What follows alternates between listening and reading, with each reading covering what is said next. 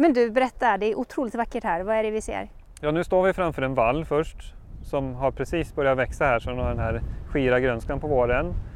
Bortanför den så ser vi en grupp kor med kalvar som bara för en vecka sedan kom ut på bete. Eh, och, och, de går dels lite på åkermark men också är det naturbeteshage bredvid med, med ja, björkar som precis håller på att slå ut nu. Då. Så det är, det är lite vykortslikt här. När energipriset blir högt nu så påverkas ju inte jag alls på samma sätt. För även om elpriset går upp så en, till exempel en elmotorsåg gör av med tio gånger mindre el. Så att får jag, går elen från en krona till två kronor, då kostar en krona mer i timmen. Men soppan å sin sida kanske gick upp fem kronor. Då är det ju jättestor skillnad i liksom utväxling på vad som händer mellan dem. Håkan Karlborg är ekobonden i Knutby som vill förändra världen. Han är andra generationens ekobonde på sin gård i Källingby utanför Uppsala. Och visst, han vill vara en förebild och inspirera andra. Men än mer vill han kunna stå för de val han gör, även om det ibland innebär utmaningar. Här på hans gård finns naturbetesmarker, solceller och ett väl genomtänkt system för odling. Vi ska prata ekologiskt lantbruk. Hur illa kan det gå utan konstgödsel? Vad tänker en köttbonde om kornas metangasutsläpp? Och går det att bruka åkrar utan att plöja?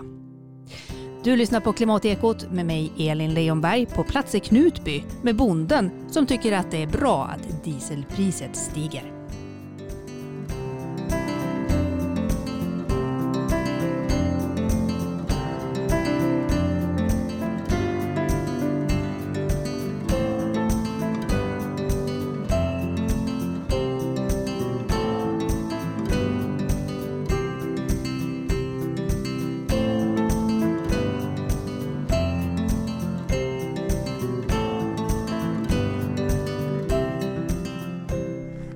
Håkan Karlborg.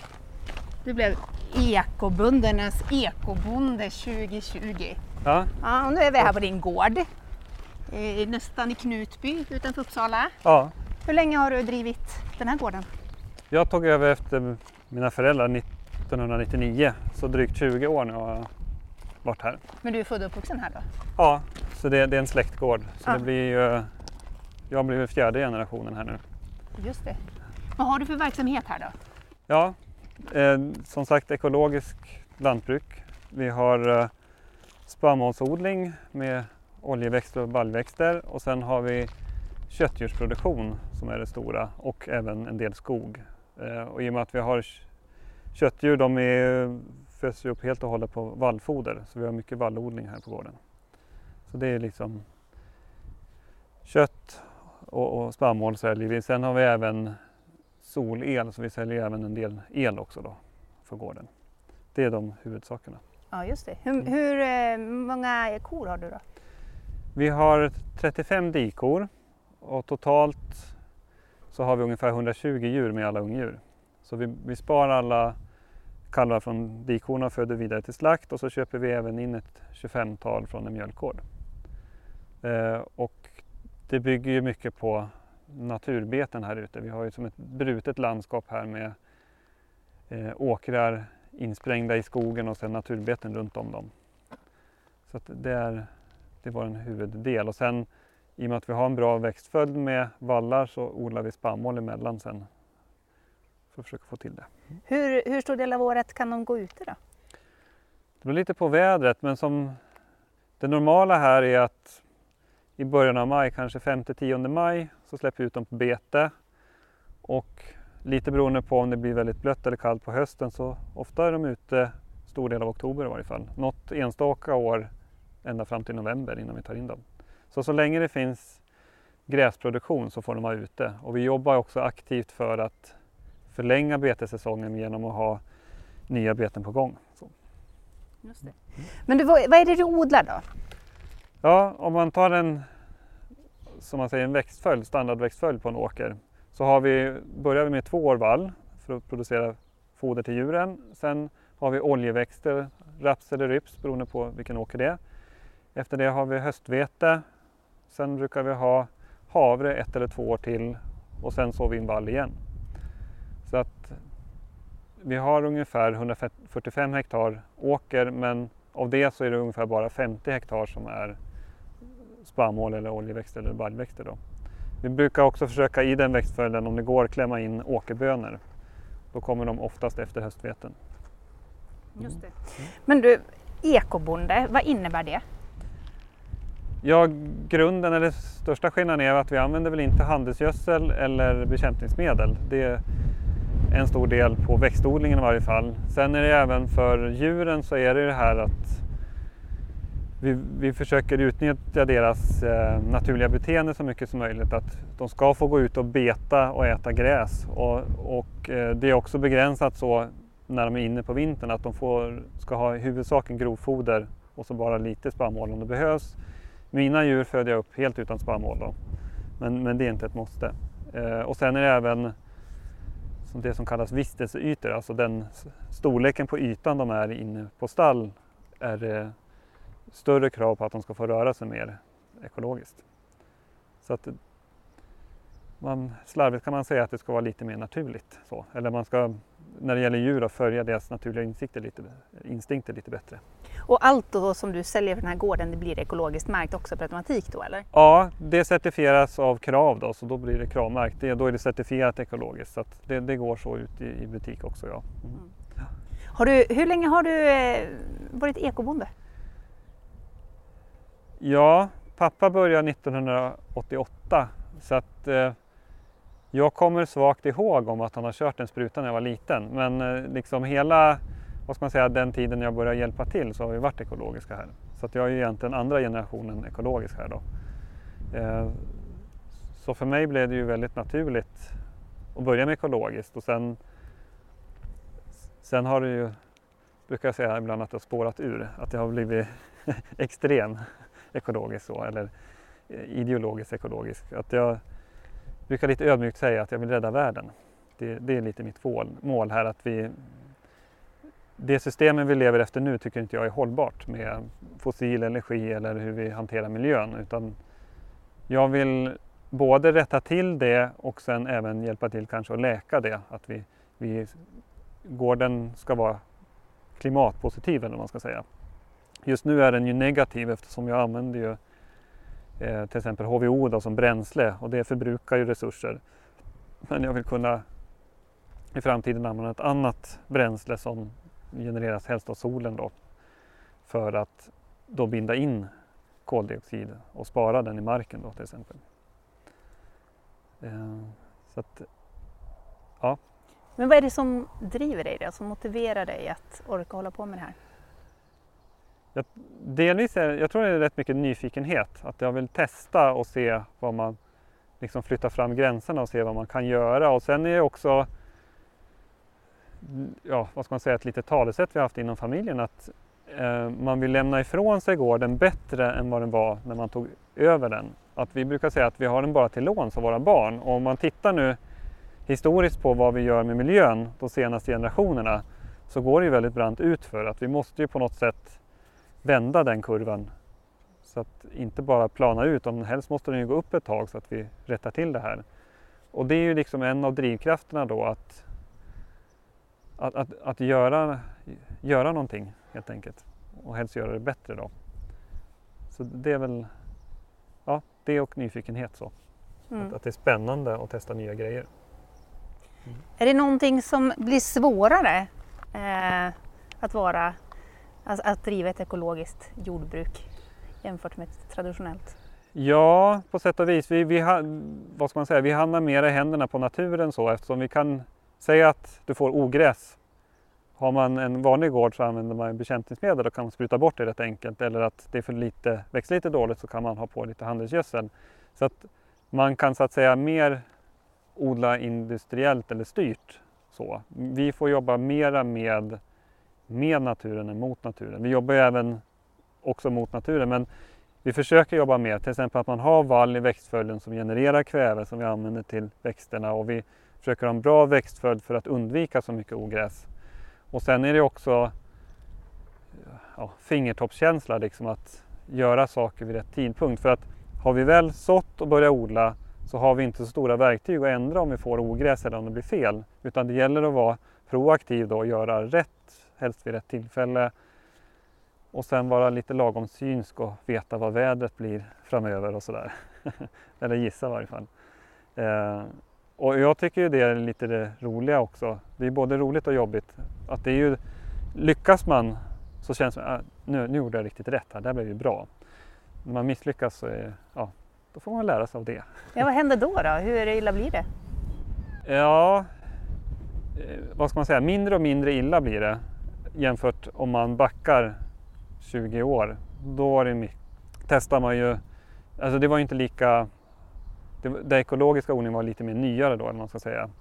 Eh, och, då, och då, då, gjorde man fel. Så vi har ju haft alltså extremfall till exempel, vi har sått spannmål och det bara blev ogräs. Så att vi helt enkelt får bara slå ner och plöja ner det och börja om. Det, då blev det en dyr läxa. Att man, så ska man inte göra. och sen, eh, sen är det, nu är det ju mera, vad ska man säga, grader att vi kan förlora i avkastning, alltså skörd, om vi gör fel.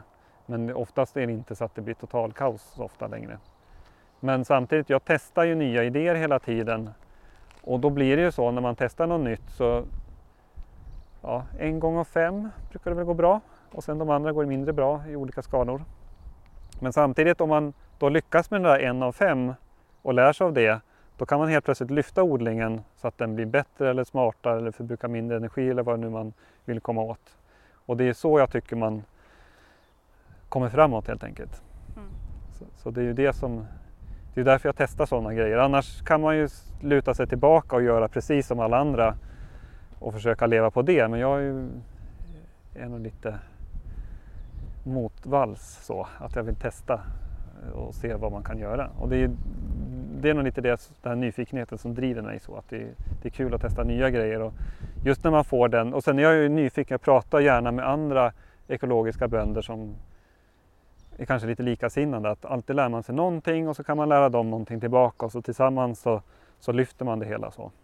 Och, och det är ju väldigt belönande när man kanske till och med två har kommit på nästan samma sak och när man slår sina kloka huvuden ihop så kommer man på ja men där var den ultimata lösningen. Så, så tillsammans har vi hjälpt varandra och så gör vi det ännu bättre så. Det tycker jag om. Det uppstår ingen konkurrenssituation mellan er så?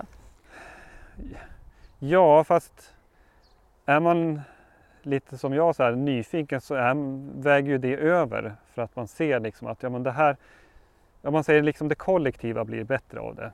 Eh, man vill ju inte kanske bara ge allting gratis till någon som bara utnyttjar det utan man vill gärna få någon smart idé tillbaka då istället. Eh, men, men ser man till det kollektiva så tycker jag att då är det ju bra att dela idéer. Så. Mm. Ska vi gå och kolla lite grann? Mm. man ser, nu står vi bakom en jordhög här så man ser ja. inte så mycket. Sämsta utsikten. Mm. Ja, precis. Men hur tänker du kring det här med mm, att plöja åkrar? Ja. Eller inte? Det Eh, som jag odlar nu så är det ju nästan till ett måste. Eh, för att det svåraste vi har att hantera när det gäller växtodlingen det är de här som kallas rotogräs. Det är tistel och kvickrot. Och, och där är plogen väldigt effektiv och bryta deras, eller liksom hantera dem. Eh, men egentligen vill jag inte plöja. Men jag har inte än hittat något bra system för att inte plöja jag gör mina små experiment ibland och testar eh, och har varit och tittat på studiebesök hos andra som har testat och inte plöja men det börjar nog närma sig lite grann tror jag. Men eh, det blir ju väldigt mycket svårare att hantera ogräsen när man inte plöjer. Så jag har inte vågat släppa sargen än och testat i någon större skala. För, för blir det fel när man inte plöjer så blir det gärna jättemycket fel igen. Så att eh, det, det, det ultimata är ju liksom alla de här odlingsmetoderna som är egentligen det man vill efterlikna är ju liksom en, en vall, alltså gräs. För, man, för det är ju den som är vad ska man säga, stabil och fungerar. Och, och, nu vill vi ändå få ut spannmål eller oljeväxter eller vad vi vill ha. Och det, är ju en, det bryter ju mot gräsväxten så.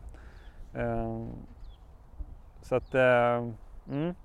Men jag tror också om vi kan kombinera det här med ny teknik, till exempel att du kan, det börjar ju komma fram sådana här ogräsrobotar till exempel. Säg att du kan ha en sån då, om du låter bli att plöja, som kanske går och plockar upp tistlarna i åkern.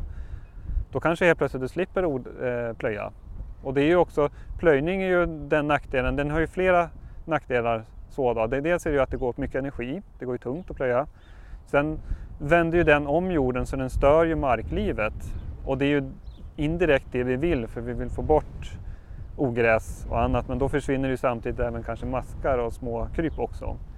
Eh, sen har den ju fördelar i och med att du rör på jorden så släpper du fri energi och det kallas ja, mineraliserad, man får loss kväve men det är ju egentligen samtidigt att det är ju nedbrytet kol och det vill vi ju egentligen spara. Så att det är mycket för och emot med det där. Vi luckrar jorden så att det blir lätt att odla när man plöjer.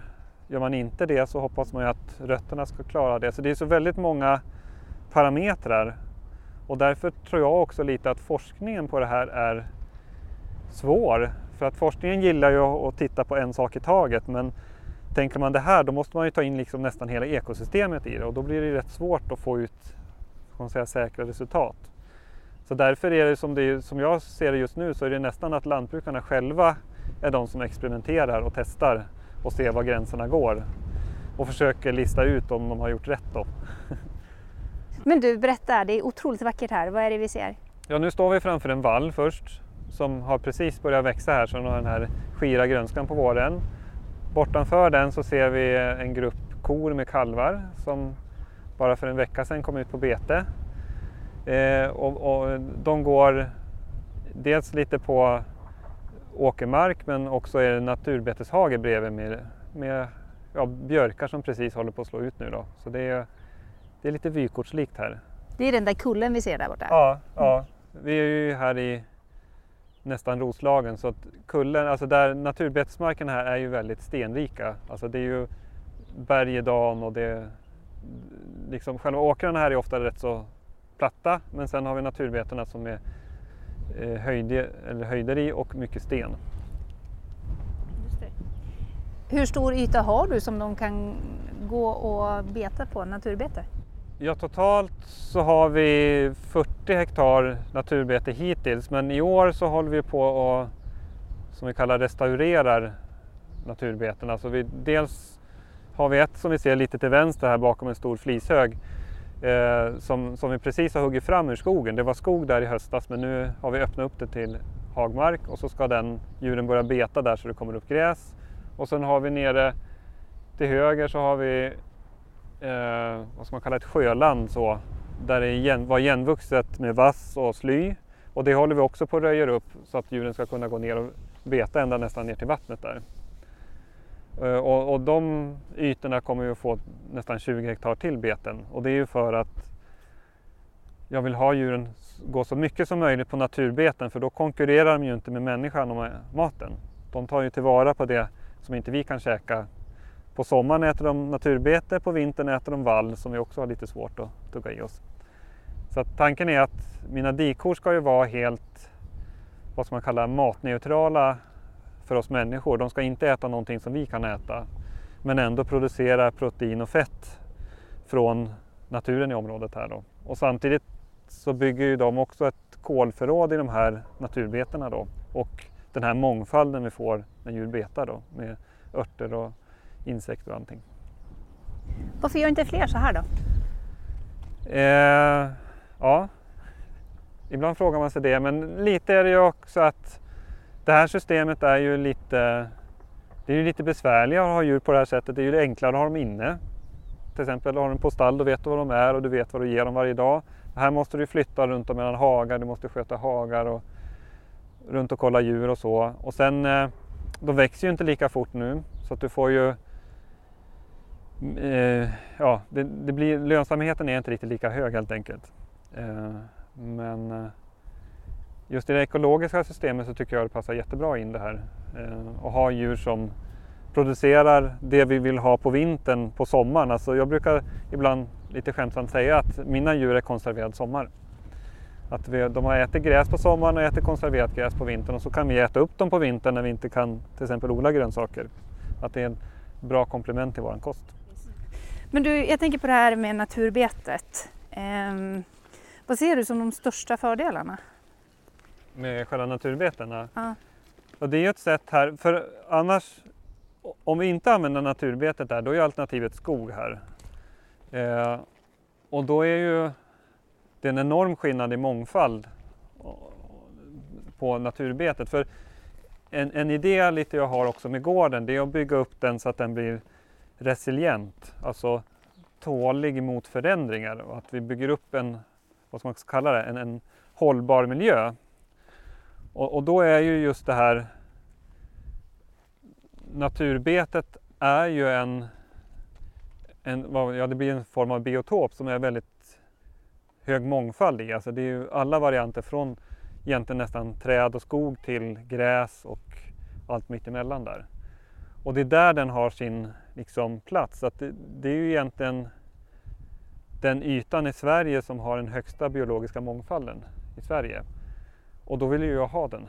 Och just att jag bor i ett sådant landskap där den passar rätt väl in för vi har ju de här små åkrarna som är omgivna av antingen skog då eller nu naturbeten då. Och då öppnar vi också upp marken lite så att det blir lättare att odla om det inte bara är skog som står ända precis in på åkerkanten. Eh, och som för mig då som vill ha köttdjur så är det ju ett väldigt bra sätt att förse dem med mat helt enkelt. Och samtidigt göra miljönytta på samma, samma gång då. Mm. Men sen så har vi ju det här med kor och metangas. Ja. Mm. Hur tänker du kring det då? Och det är väl lite, lite som i allt annat att... Oj, Oj det där mest... var det lerigt. Ja, det, ja. eh, det som är det mesta att det är eh, det som är bra har oftast någonting dåligt med sig. Och, eh, man kan se det med metan ur två synvinklar. Dels är att det har ju alltid funnits idisslare som ligger på en viss nivå och metanet försvinner ju så småningom ur atmosfären. Jämför man med fossilt koldioxid, har du bränt upp det då är det kvar ända tills i så fall någonting annat binder in det, något grönt, alltså någon fotosyntes eller något annat. Då. Så att har man en jämn nivå av djur som kanske då inte är alltför hög, då har, tycker jag att korna har ingen liksom direkt påverkan med sitt metan. De är ju där och finns där. Men det andra är att se vad är alternativet då? Då måste vi ju äta något annat så. Men jag ser väl egentligen kanske som kött då, det här, i mitt fall nötkött då, som någonting som vi ska äta i, i relativt små mängder. Det är liksom om man får prata foderstat som jag är van vid, alltså det är kraftfodret. Alltså det, det är en väldigt hög koncentration av mineraler, energi och fett i det. Så att har vi lite eh, kött så kan vi äta rätt så mycket basmat i kombination med det. Alltså till exempel kött och potatis ger ju ändå en rätt så bra, eh, ja vad ska man säga, inte foderstat heter det för människor, vad kallar man? Ja, kosthållning helt enkelt. Eh, och, och, då behöver, säg att man, alternativet är att äta veganskt då istället. Då, ofta då så, som många gör nu, då använder de soja och det funkar egentligen inte att odla i Sverige utan då måste du börja odla det på något annat ställe och då kan det få med sig andra nackdelar där då istället. Som, som, I varje fall som det är just nu till exempel att om, om du hugger ner en regnskog i Brasilien för att odla soja då är det helt vansinnigt. Eh, och ska alla då äta så, så, så blir det inte riktigt bra. Utan jag tycker mer det här lite lagom. Jag äter ju också vegetariskt flera dagar i veckan men jag äter även kött för att det är en bra komplement till min kost och så jag vet ju precis vad jag äter också då. Eh, jag tycker det är etiskt bra att ha köttdjur på det här sättet. Ehm, jag ser kanske egentligen mer snarare som gris eller kycklingkött som att det kanske inte riktigt platsar så mycket på tallriken eftersom de äter egentligen den maten vi kan äta. De äter ju spannmål till huvudsak. Och då när du kör genom ett djur då tappar du ju mellan 5 och 10 gånger i mängd så att säga. Att det går åt många kilo för att få fram ett kilo kött i andra änden. Um, så att uh, lite nötkött tycker jag passar bra. Eh, och där är det så att skulle vi tänka lite så då skulle vi inte behöva så här många köttdjur kanske heller. Eh, och då blir det ju då mindre metanutsläpp av den anledningen. Men då måste ju alla då ta sitt ansvar och tänka lite mer på vad man äter kanske. För I dagsläget har vi ju inte det problemet att vi svälter i västvärlden utan snarare tvärtom. Att vi kan hushålla lite med resurserna. Så. Vad får du för eh, respons från dina lantbrukarkollegor runt om i landet som inte tänker likadant som du? De tycker nog ibland jag är väldigt jobbig. Så. Eller liksom att, det är ju lite, och det är ju också det här när man, när man tänker så här. Det innebär ju då att ja, men då kanske en, en hel del grisproducenter inte ska vara det. Och då kanske de har byggt upp sin gård och sitt liv runt det. Och det är ju rätt hårt att säga till ja, men du får inte ha grisar och du får inte ha kycklingar. Nu var Titta, här kommer en liten kalv Ja, springandes alldeles lös och där kommer korna. ja, ja, de saknar kalven. Och alla är lösa. Det här är rätt ovant måste jag säga. För mig. Ja, för mig är det helt normalt. Det här är normalläget. Så vi har en, en liten grupp kvar hemma här som, det är en ko som är längst bort i gruppen här, hon har inte kalvat än. Och de andra två med sin kalv, de är eh, tjurar som ska kastreras sen. Men jag kastrerar dem inte förrän jag vet vad den sista kalven blir för kön. Så jag väntar in den, men jag har väntat tre veckor på henne. Så jag börjar bli nästan vill gå och klämma snart på hennes mage. Se vad som, om det händer något. Snart kanske. Ja, väldigt snart tror jag, för hon har sett ut som hon ska kalva väldigt länge. Men du, sticker de inte iväg när du inte har några stängsel? Jo, jo, jag har stängsel, det är bara att de inte syns. Det Ah. går runt här, så de har, den här hagen de går på nu är väl ett par, tre hektar tror jag. Så det är en rätt så liten hage. Ja, just det. Så att den här har även korna tillgång på vintern. Så att de, mina dikor är inte helt instängda. De har ju sin ströbädd här inne i logen som vi står framför och sen har de även en, en ströbädd utomhus som de, som de har på vintern. Då. Och sen fodrar vi de här på plattan där vi står så får de ensilage på dagarna. Så, så att de, de blir egentligen aldrig helt inställda. Sen är det liksom är det en halv meter snö så pulsar de inte omkring så mycket men de står ju och hänger här runt foderhäckarna och, och, och vid ströbädden. Så. LSS, Low stress stock handling. Ja, vad är det? som det låter. Nej, men det, det bygger på att när man, eh, vi måste ju flytta djur och hantera djur. Eh, och det här systemet bygger då på att vi ska inte stressa djuren för de, de här djuren är ju vad ska man säga, rätt så frigående. Vi, vi liksom, det är inte som en mjölkko som man umgås med hela dagarna utan de går för sig och jag går här. Och sen när vi ska göra någonting, vi kanske ska, de kanske ska väga lite längre, då ska de kanske in i en, en djurkärra och flyttas iväg. Och då blir det, kan det bli ett stressmoment att du ska alltså tränga ihop djuren och trycka in dem i en kärra. Men då, det här LSS, det är ett system hur man tänker och hanterar djuren men också lär djuren hur vi, när vi gör eller rör oss på ett visst sätt så förstår de vad vi menar. Så att det bygger i, brukar jag säga, nästan lite på att vi lurar korna och tror att de har valt att göra en sak fast vi har valt det åt dem. Till exempel om vi lastar dem på en djurkärra. Då gör, skapar vi så att, eh, så att säga, om de är inne i ett hus, då, resten av huset är lite så här obehagligt, eller vad man ska säga, att vi skapar ett, som vi kallar ett tryck på dem. Om, om man går närmare ett djur, till slut sen så börjar de visa att nej, nu är jag för nära, det är liksom inne i deras zon och då börjar de vända och gå åt ett håll beroende på var man står. Och då skapar vi det lite inne så att, säg att vagnen står i ett av fyra hörn, så är det öppet in till vagnen. Då skapar vi de tre andra hörnen, att vi trycker dem liksom mot de hörnen. Instinktivt väljer djuren att gå till det hörnet där det inte är något tryck, där jag inte trycker på dem. Och då är det tanken då att just djurkärran är där utan hörnet, där, där det inte är något tryck. Då tänker de, ja men jättebra, då går vi in där för där är ju fred, ingen som stör oss. Och då har vi alltså lastat dem utan att de liksom har höjt pulsen nästan. Att de, okej det här är jättebra. Och då går de in och ställer sig där, så stänger vi grinden där. Då tänker de, ja men då har ju vi valt där, vi är rätt nöjda här. Och det använder man även till exempel om man ska skilja ut några ur en flock eller om man ska väga några djur eller bara flytta dem. Så, så tänker man på det sättet. Som, som jag har som gått en kurs i att lära sig det. För av tradition så föser man ju, då går man ju ofta efter och liksom låter och trycker dem så. Och det är ju, då skapar ju det här obehaget. Och om jag då ska göra på det sättet och vill fösa in dem i en kärra, då tänker de instinktivt, ja men det där måste ju vara världens läskigaste kärra. Så de vill ju gå åt andra håll och då får jag trycka ännu hårdare och den som trycker hårdast vinner då.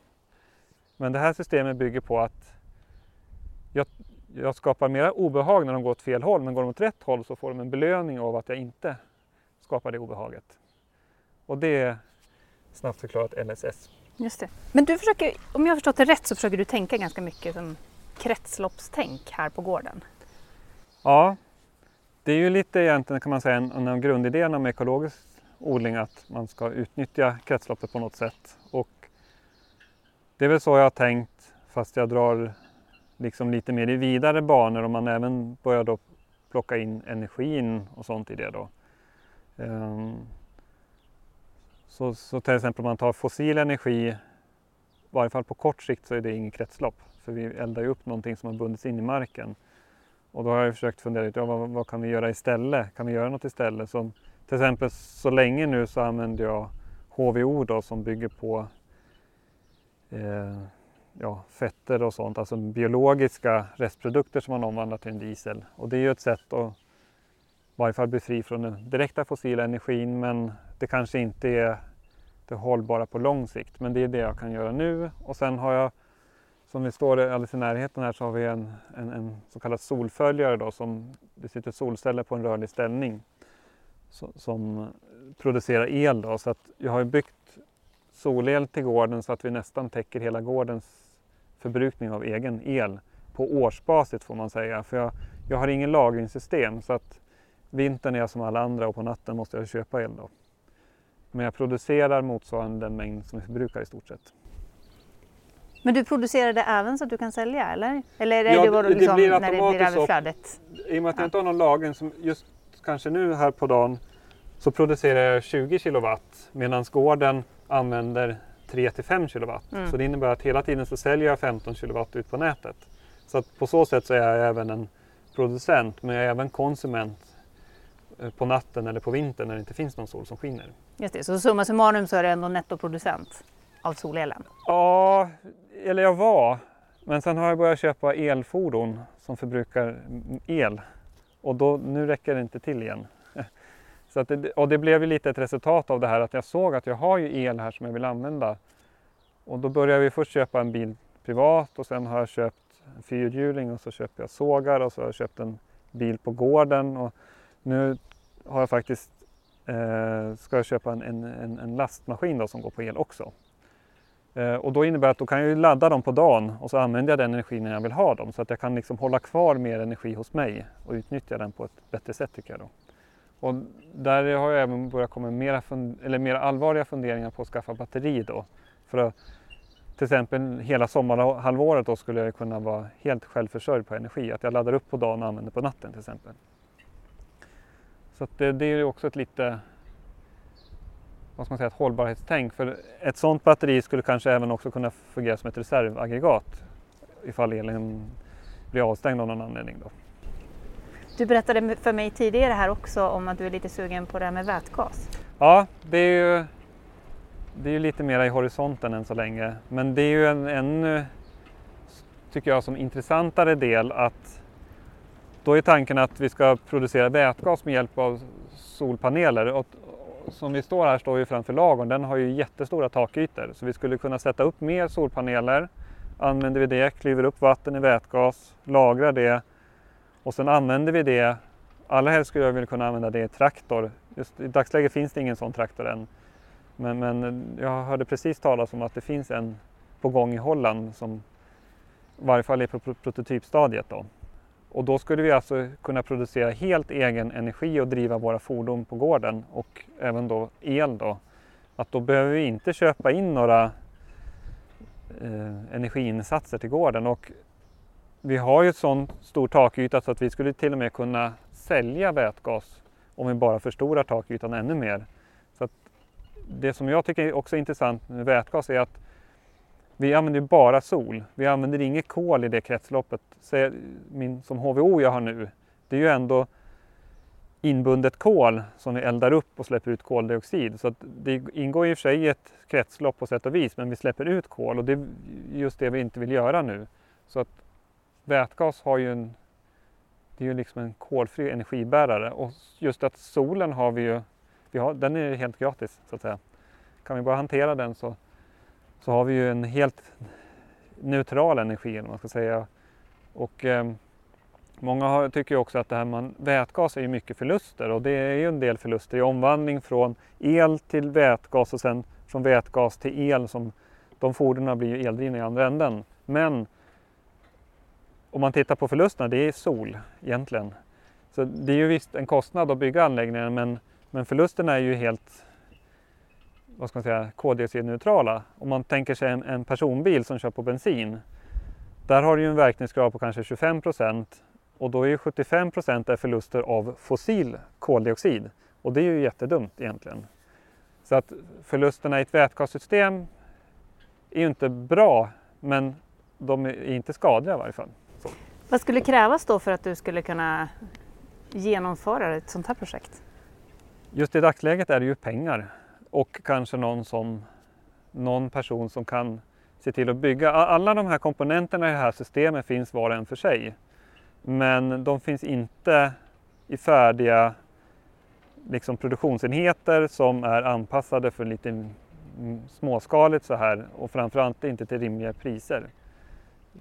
Vi pratade om det innan att jag hade fått en uppskattning på en sån här anläggning då som då är det oräknat solcellerna, alltså bara själva produktionsenheten och lagringen av vätgas går på mellan 5 och 7 miljoner. Sen ska du ha en traktor till det som särskilt en prototyptraktor lär kosta ett par miljoner. Du ska upp solceller för en kanske en miljon till. Så att det drar iväg väldigt stora kostnader, liksom de första anläggningarna om man ska ha en prototyp för att se om det funkar. Men samtidigt tror jag att det är det som behövs för att liksom få snöbollen i rullning och se. Jag tror ju stenhårt på att det här funkar, men skulle man fått byggt en sån anläggning då kan man ju lite pröva den teorin. Det är lite som jag gör i lantbruket. Jag tycker man måste få testa rent praktiskt. Funkar det här eller, eller har vi tänkt helt fel? Det kanske bara är pannkaka eller så är det en, en vinstlott och då är det en vinstlott då får man ju försöka visa upp den och försöka få med några. Då kanske bolag som vill bygga och tjäna pengar kanske blir jätteintresserade och, och kommer igång med det här. Så att vi skulle... Vi behöver pengar och något bra projekt som kan göra sånt här för att komma igång med det. För vi märker själva klarar vi inte det här. Mm. Mm. Hur funkar det att ha, för du hade en eltraktor nu sa du? Snart har jag en, en, en batteridriven traktor. Ja. -huh. Så du har inte hunnit testa hur den står sig i förhållande till en fossildriven? Nej, och det är också en, en som kallas hjullastare så det är vad ska man kalla ett inomgårdsfordon. Den kommer att flytta balar, köra gödsel och sånt. Så den kommer inte klara tunga jobb på fältet. Men den ska ersätta den lasten jag använder på gården.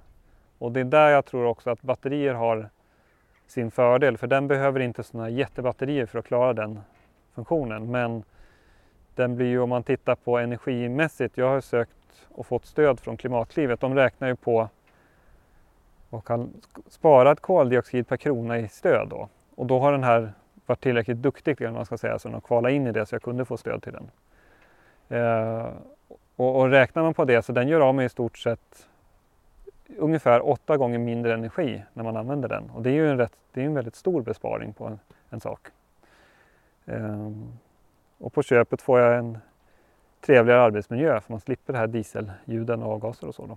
Men tror du att det är möjligt att få ett klimatneutralt eller som du sa till, tidigare till och med klimatpositivt lantbruk? Ja, egentligen är det, ing, är det inget problem. Alltså, eller, eller det är möjligt men det är som man kan säga nu så är problemet är ekonomiskt i dagsläget. Jag kan inte till exempel köpa en vätgasanläggning för det finns ingen möjlighet att göra det jag har liksom, säg att jag vill ha en odling då till exempel utan plöjning. Där finns det inte varken kunskap eller maskiner som jag skulle klara det i dagsläget så utan kemi då så att säga med bekämpningsmedel. Um, så jag, det, är ju, det är ju min fasta tro, annars hade jag, hade jag gett upp det här. För jag tror att det ska gå, men vi har ju verkligheten med ekonomi, alltså lantbruket är ju rätt ekonomiskt pressat, det är ju inte så här jättelönsamt så att vi har ju väldigt lite pengar till att göra de här som jag brukar kalla kulinvesteringarna. Alltså, och, ja, till exempel köpa solceller, köpa batterimaskiner och sånt där. Jag måste vara väldigt försiktig med de pengarna jag har För att eftersom det är små marginaler så när jag väl gör en investering så får den inte gå fel. Så att därför har det ju tagit mig flera år att välja eller om jag kan våga köpa solceller, kan jag våga köpa min batteritraktor och sådana grejer. Så att det blir ju en, en långsam utveckling som Ja som sagt jag har ju hållit på i 20 år och i början så var det mycket fokuserat på att spara energi med energibesparingar. Nu har det mera gått över till en energiomställning kan man säga.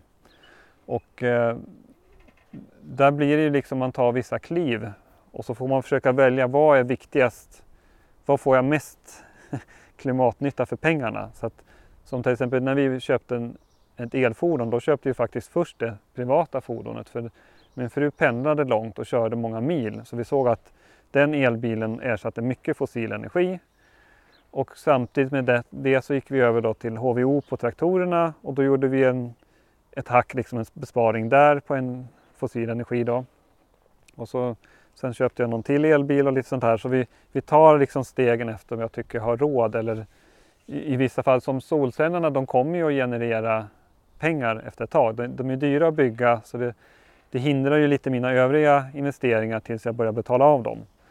Eh, och det blir lite så med de här nya maskinerna, man ska säga, som till exempel den här batterilasten, att den är så ofantligt dyr så att den tar stor del av mitt investeringsutrymme för att göra. Så att jag kan liksom inte Säg att jag inte hade gjort någonting förra året så vill jag göra allt det här i år. Det skulle jag inte ha ens råd att göra utan jag har fått tag i bit för bit. Och då har jag försökt välja dem där jag ser det mesta klimat för pengarna eller man ska säga. Eller klimatnyttan för pengarna. Är det så man ska tänka om man har ett traditionellt lantbruk också och vill ställa om? Ja, där tycker jag också man kan börja med samma resa som jag har gjort det här. Tänk spara. För det, den miljövänligaste energin är ju den vi inte använder.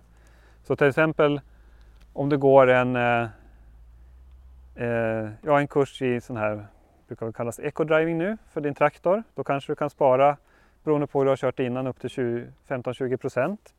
Då är det, då är det 15-20 procent miljönytta direkt. Pang!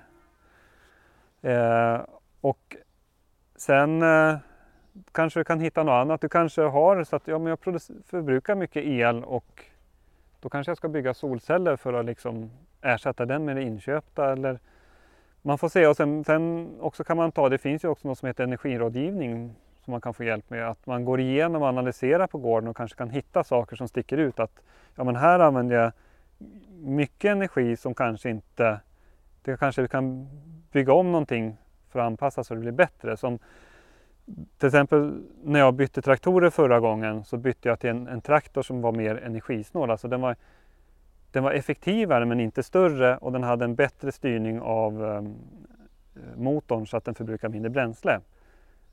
Och det har jag sett så här att det blev ju både lönsamt och bra för miljön för att i och med att den drar mindre bränsle så blir den billigare att använda också. Men det kom till priset av att jag har en lite mindre traktor så att vissa saker går lite långsammare att göra. Så att jag har fått offra lite men har fått saker i andra änden och sen som jag tycker då framförallt miljön har tjänat på det då. Så att eh, allt man gör blir ju inte bara bättre utan man kanske får offra något lite annat också. Man kanske får offra till exempel bekvämlighet för vissa saker för att få något, att det sparar energi eller så. Då. så. Men kan alla ställa om tror du? I varje fall till viss del. Jag, tror, det, jag har ju fortfarande säkert också saker jag kan göra fortsatt men de allra flesta kan man ju hitta. Gör man en sån här en, energikartläggning så brukar man alltid hitta någonting som man inte har tänkt på kanske. Vi, till exempel efter ett antal år här så hittade vi en, en varmvattenberedare, en gammal från 70-talet som stod i lagorn som vi använde inte så ofta men den, den var ju praktisk för det fanns alltid varmvatten. Det visade sig att den drog jättemycket el för den var dåligt isolerad. Eh, och då byggde jag, tog jag bort den, byggde om den till en direktvärmande vattenvärmare som inte drar någonting när den inte används. Och, och direkt sparar jag 4000 kilowatt per år. Och det var ju en stor, så att den betalade av sig själv på tre år. Bara för att den sparar så mycket el. Mm. Vi har ju en situation i världen just nu där vi har otroligt dyra bränslepriser. Även foderpriserna stiger. Mm. Många lantbrukare har svårt att klara sig. Hur har du märkt av det här? Jag märker också av det men eh, jag tror mig märka mindre av det eftersom jag har ju gjort liksom den, en, vad ska man säga, en stor besparingsresa. Jag använder ju relativt sett andra gårdar mindre energi. Alltså påverkar det höga energipriset mindre och sen har jag som till exempel till uppvärmning av gården så har, har vi ju flis som vi värmer med och den är ju, påverkas ju inte av elpriset till exempel så att uppvärmningen i år för mig har det inte märkt så mycket av. Så att man kan säga att jag har drabbats lite mindre av det men jag behöver ju fortfarande, särskilt eftersom jag då kör på HVO till bränslet till traktorerna så kostar det ju pengar. Samtidigt, det är ju lite att sticka ut hakan kanske, så tycker jag ändå att energin nu börjar får kosta lite. För jag anser egentligen att fossila energin har varit alldeles för billig för under en väldigt lång tid. Så att nu börjar den kanske närma sig sitt riktiga värde, vad vi, om vi nu ska värdera den i förhållande till annan energi, som till exempel sol eller annan förnybar energi. Eh, så jag tror att det är nog bara att vänja sig. Jag, tror, jag har lite svårt att tänka mig att de här energipriserna, de kommer att gå ner lite grann men inte så här jättemycket. Eh, och, och därför tror jag att det ju förr man kan anpassa sig och använda mindre av det här, ju bättre är det. Så jag tror de som, som kan spara eller göra det på ett smartare sätt är vinnare egentligen. Så det kanske är nu som är läge egentligen att Ja, för det blir ju också så sen om energin blir ännu dyrare så blir det ju ännu dyrare att göra saker. Till exempel Alltså som nu att bygga en ny traktor kostar ju mer för det kostar mer pengar att producera ett kilo järn, alltså blir traktorn dyrare. Så att är man på lite tidigare så kanske man kan ställa om när det fortfarande är vettiga priser på att ställa om saker. Hur upplever du då viljan att ställa om bland Sveriges lantbrukare? Högst varierande kan man säga diplomatiskt. Det, en del, jag umgås ju med lite olika så att säga, kretsar och lantbrukare och en del är väl, som jag väldigt nyfikna, innovativa. Eh, men jag tycker att den delen är lite liten. Ehm, sen finns det många som är väldigt konservativa, vill gärna ha det som det var förut. Och är det något som händer så är det fel på någonting, någon annans fel. Säg ja, dieselpriset gick upp, ja men det är fel. Staten borde sänka priset, annars kommer vi inte kunna ha någon lantbruksproduktion. Ja, okej, okay. men nu är det så här i verkligheten. Vi kanske måste göra något åt det. Vi kanske måste se över hur, på vilket sätt vi ska producera eh, maten inte sagt att vi kan göra det i år utan det tar ju tid, alltså det har ju tagit mig 15 år att komma hit. Eh, man kan säkert göra det snabbare nu när man vet vad en del man kan göra som funkar och så här. Men, men det kommer att ta tid och, och därför tror inte jag på de här kortsiktiga stöden som bara fyller hålen just nu då, utan vi måste tänka tvärtom, satsa framåt. Satsa pengar på att ta fram vätgas kanske då som till slut ger en billigare och mer stabil energi som, som, som inte skadar klimatet. Då. Ehm, att vi, vi, måste tänka framåt. Det är nu det är läge att satsa på och bygga framtiden tycker jag. Och, och, det är kanske först nu man börjar få lite gehör för vissa saker. Som det här som jag har med att spara energi. Många har ju tyckt att ja, ja, kan du hålla på med, men det ger ju ingenting säger de för energin är så billig. Men nu blev det helt plötsligt mer intressant. Precis. Jag tänker ur konsumentsynpunkt så diskuterar vi ofta ekologiskt kontra närproducerat mm. och vad man ska välja när man står där i affären. Jätteenkelt, ekologiskt närproducerat. Det är inga problem. Eh, det där kan ju bli hårklyverier ibland men som jag sa, det bästa är ju ekologiskt och närproducerat tycker jag i varje fall. Då.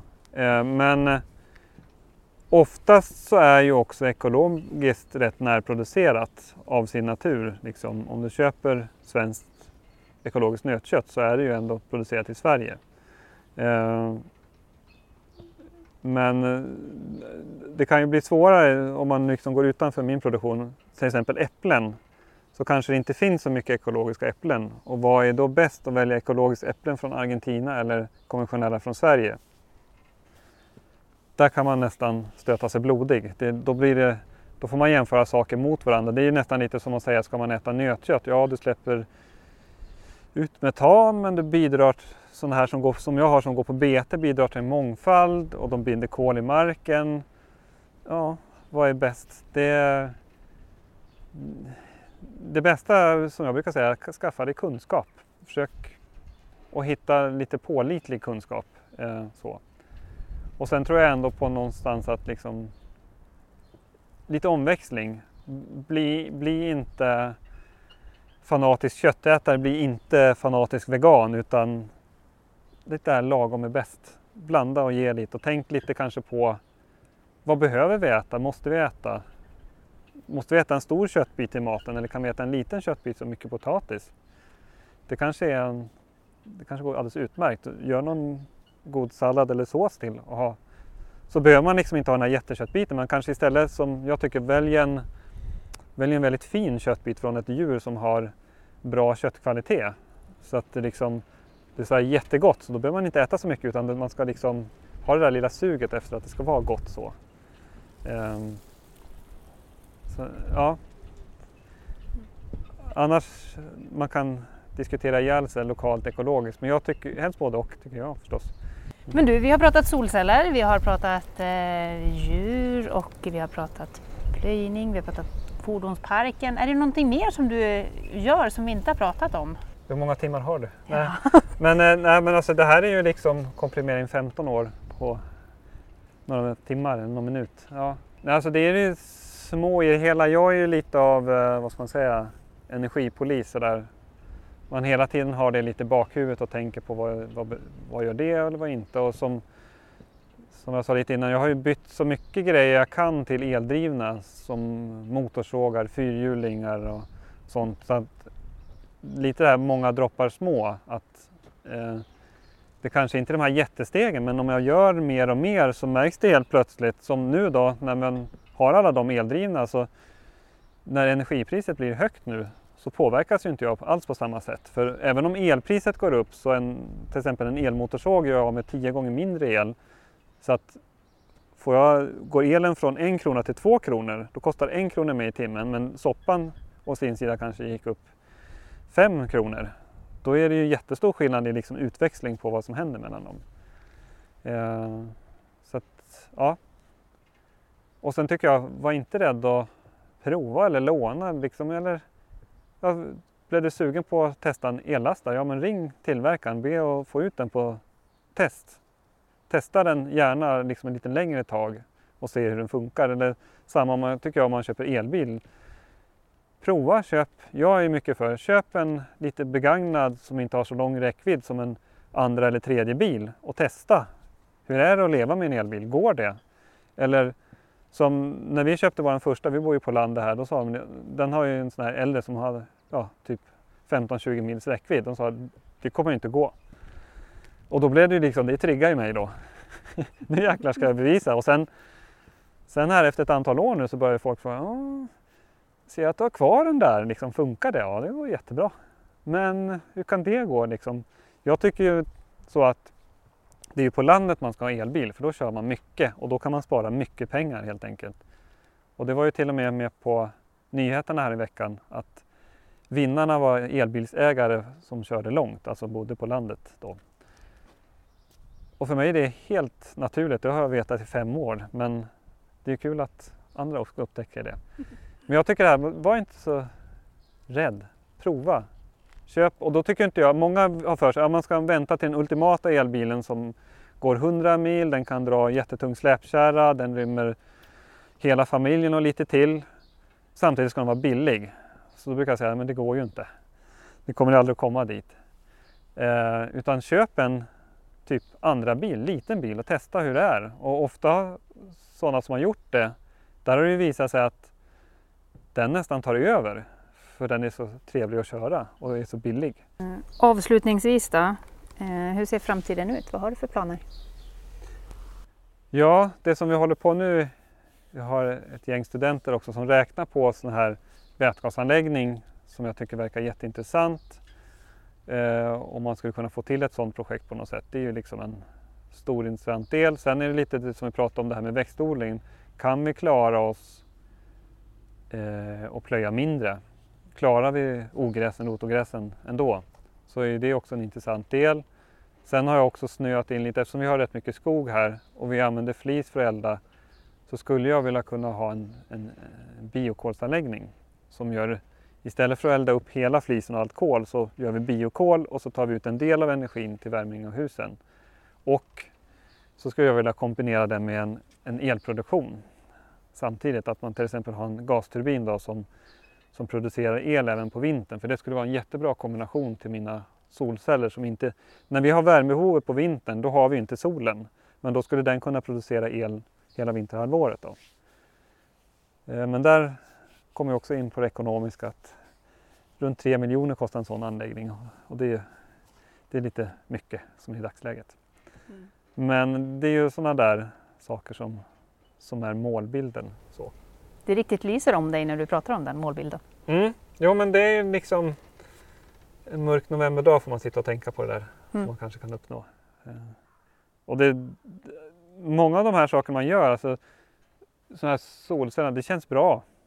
Man, man mår bra. Man, solen skiner och så tittar man liksom och ser på, ja nu producerar 18 kilowatt här. Det, det känns ju schysst. Det känns bra. Och när man har korna på det här sättet, går fritt i hagarna, det känns ju bra helt enkelt.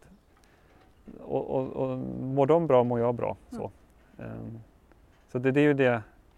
Ja, jag vill att det ska kännas, jag, jag, vill kunna stå för det jag gör. Det är liksom en, en grej så. Och jag börjar närma mig rätt långt. Det är det här energin här, är en knut kvar där, det här HVO. Den kan jag stå delvis för men hade jag haft vätgas hade jag kunnat, då hade jag nog varit ännu stoltare. Mm. Men du, stort tack för att jag fick komma hit och prata med dig och mm. kolla på din gård. Ja, jag hoppas att jag inspirerar några andra att tänka nya banor.